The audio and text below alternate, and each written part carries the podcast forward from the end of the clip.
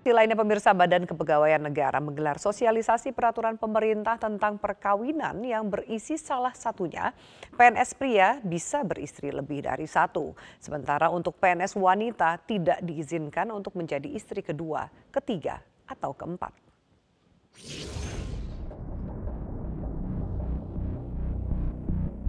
Publik kembali dibuat geger dengan peraturan pemerintah. Kali ini peraturan pemerintah nomor 10 tahun 1983 tentang izin perkawinan dan perceraian bagi pegawai negeri sipil. Aturan ini menyebut ASN pria ternyata boleh melakukan poligami dengan syarat wajib memperoleh izin tertulis lebih dahulu oleh pejabat. Atasan yang menerima surat pemerintahan izin dari bawahannya untuk poligami pun wajib memberikan pertimbangan kepada pejabat tersebut. Apakah syaratnya terbatas pada izin pejabat? Oh tentu tidak ada syarat alternatif dan kumulatif. Syarat alternatif di mana salah satunya harus terpenuhi mencakup istri tidak dapat menjalankan kewajibannya karena sakit jasmani atau rohani. Kedua, istri mendapat cacat badan atau penyakit lain yang tidak dapat disembuhkan. Ketiga, istri tidak dapat melahirkan keturunan setelah menikah sekurang-kurangnya 10 tahun.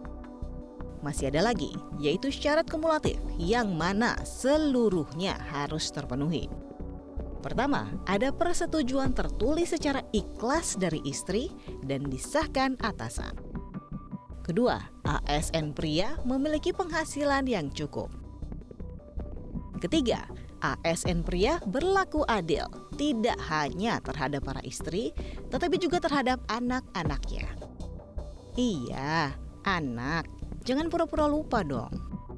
Namun dalam aturan ini tidak ada penjelasan lebih lanjut mengenai standar penghasilan yang cukup dan rincian perlakuan adil terhadap istri dan anak. Oke, kalau tidak ada rinciannya kami akan coba hadirkan data. Berapa sih sesungguhnya standar hidup layak, khususnya di perkotaan?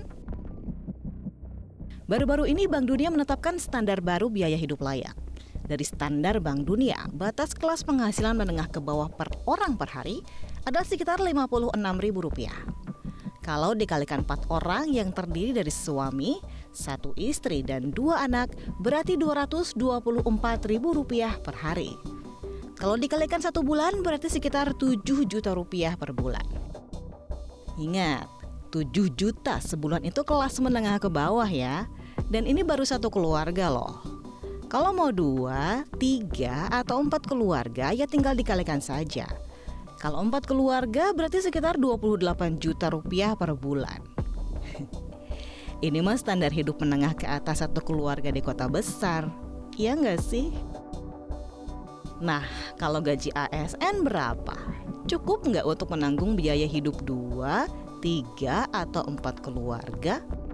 Dalam peraturan pemerintah nomor 15 tahun 2019 tentang peraturan gaji pegawai negeri sipil disebutkan gaji ASN paling tinggi yaitu golongan 4E adalah sebesar Rp5.901.200. Tapi katanya mau dinaikin sama Pak Presiden sih. Ini juga belum termasuk berbagai tunjangan yang diterima ya, seperti tunjangan kinerja, tunjangan istri atau suami, tunjangan anak, dan lain-lain. Kalau eselon beda lagi perhitungannya ya, bisa lebih besar, tergantung golongan dan penempatan. Tetapi aturan berbeda justru diterapkan kepada ASN perempuan. PP 10 tahun 1983 justru melarang ASN perempuan untuk menjadi istri kedua, ketiga, atau keempat. Kenapa begitu ya? Aturan ini sebenarnya sudah sangat lama, namun masih berlaku dan belum ada pihak yang mengajukan judicial review ataupun keberatan. Presiden Jokowi yang saya hormati, surat terbuka ini saya tulis karena cinta saya dari dalam lubuk hati kepada tanah air dan hormat saya kepada Bapak sebagai kepala negara. Bapak bisa membacanya sebagai kritik tetapi saya tidak ragu karena Bapak pernah bilang langsung kepada saya bahwa Bapak tidak keberatan dikritik karena kritik adalah masukan bagi Bapak. Saya juga percaya bahkan kritik dari seorang kawan itu tujuannya agar kawan kita tidak terjerumus. Dengan memuji terus-menerus, maka justru kawan kita akan jatuh terjerembab. Seperti Bapak tahu, saya pada mulanya adalah pendukung kuat Bapak. Bahkan pernah mengedarkan selebaran terkenal yang berjudul 10 alasan mengapa saya memilih Jokowi di periode pertama. Begitu pula pada periode kedua saya menjadi pendukung Bapak, meski saya tidak pernah masuk tim resmi kampanye Bapak. Namun demikian pada periode dua, saya dapati presiden saya telah banyak berubah dan banyak membuat kesalahan. Umpamanya dalam penempatan pembantu-pembantunya, lemah dan tebang pilih dalam penegakan hukum, mengusung kebijakan-kebijakan ekonomi yang menguntungkan kelompok pemodal termasuk modal asing. Juga menghalangi partisipasi publik dalam proses berbagai undang-undang yang penting. Dan banyak hal lagi yang pernah saya tulis dan tidak akan saya ulangi di sini. Tapi yang utama dan terpenting dalam tulisan singkat ini adalah saya merasa di ujung jabatan Bapak, Presiden kita telah mengambil langkah-langkah dan manuver-manuver politik yang membahayakan demokrasi kita, sehingga demokrasi yang dengan susah payah dan korban jiwa telah dibangun di negeri ini oleh anak-anak muda pada revolusi atau reformasi tahun 1998 sekarang menurut pendapat saya dalam keadaan bahaya menuju keruntuhan. Yang saya maksud adalah dalam setahun terakhir ini Bapak tidak lagi konsentrasi pada pekerjaan utama yang dimandatkan rakyat yang harus diakui telah mencapai berbagai kemajuan yang menggembirakan, tetapi telah bermanuver untuk merusak demokrasi, antara lain dengan pembatasan jumlah calon presiden oleh undang-undang dan ada berbagai perilaku aib yang membahayakan demokrasi baik langsung oleh Bapak sendiri maupun oleh pembantu-pembantu Bapak yang dekat dan bekerja di istana yang tidak mungkin dilakukan tanpa sepengetahuan dan restu dari orang paling berkuasa di negeri ini yaitu Presiden RI. Seperti kita ketahui meski undang-undang dibuat di DPR, namun tidak akan menjadi undang-undang tanpa kesepakatan dan persetujuan eksekutif yang ikut bersama menyusunnya.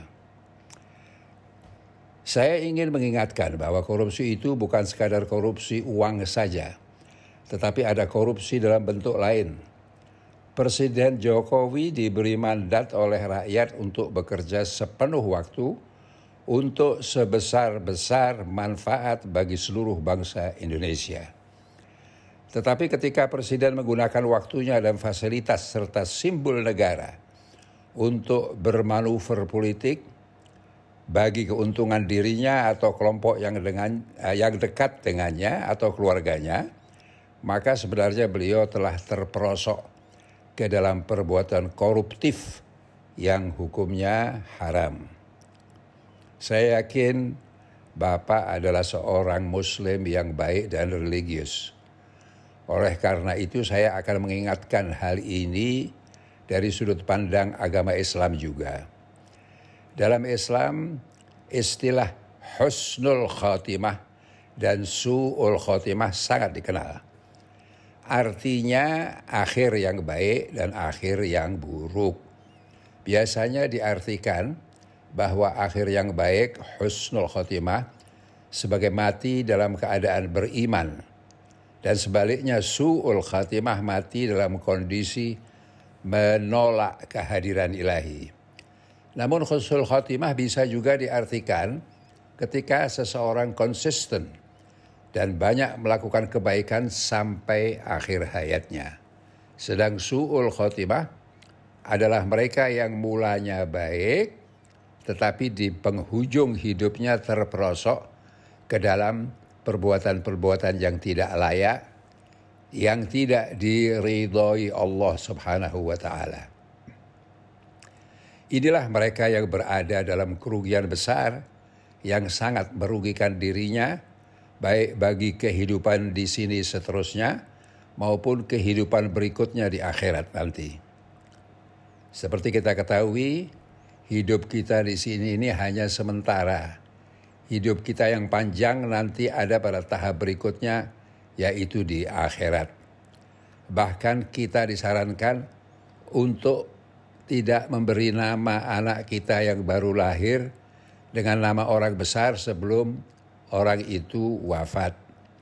Sebab tidak sedikit orang hebat yang memulai sesuatu dengan baik menjadi terkenal dan dikagumi, tetapi pada ujung hayatnya sebelum wafat dia telah melakukan perbuatan buruk dan itulah yang diingat oleh masyarakat. Dalam pemilihan umum legislatif dan pemilihan umum presiden bulan Februari tahun depan, tugas seorang presiden adalah memastikan bahwa pemilu dan pilpres itu berjalan dengan damai, adil, dan jujur.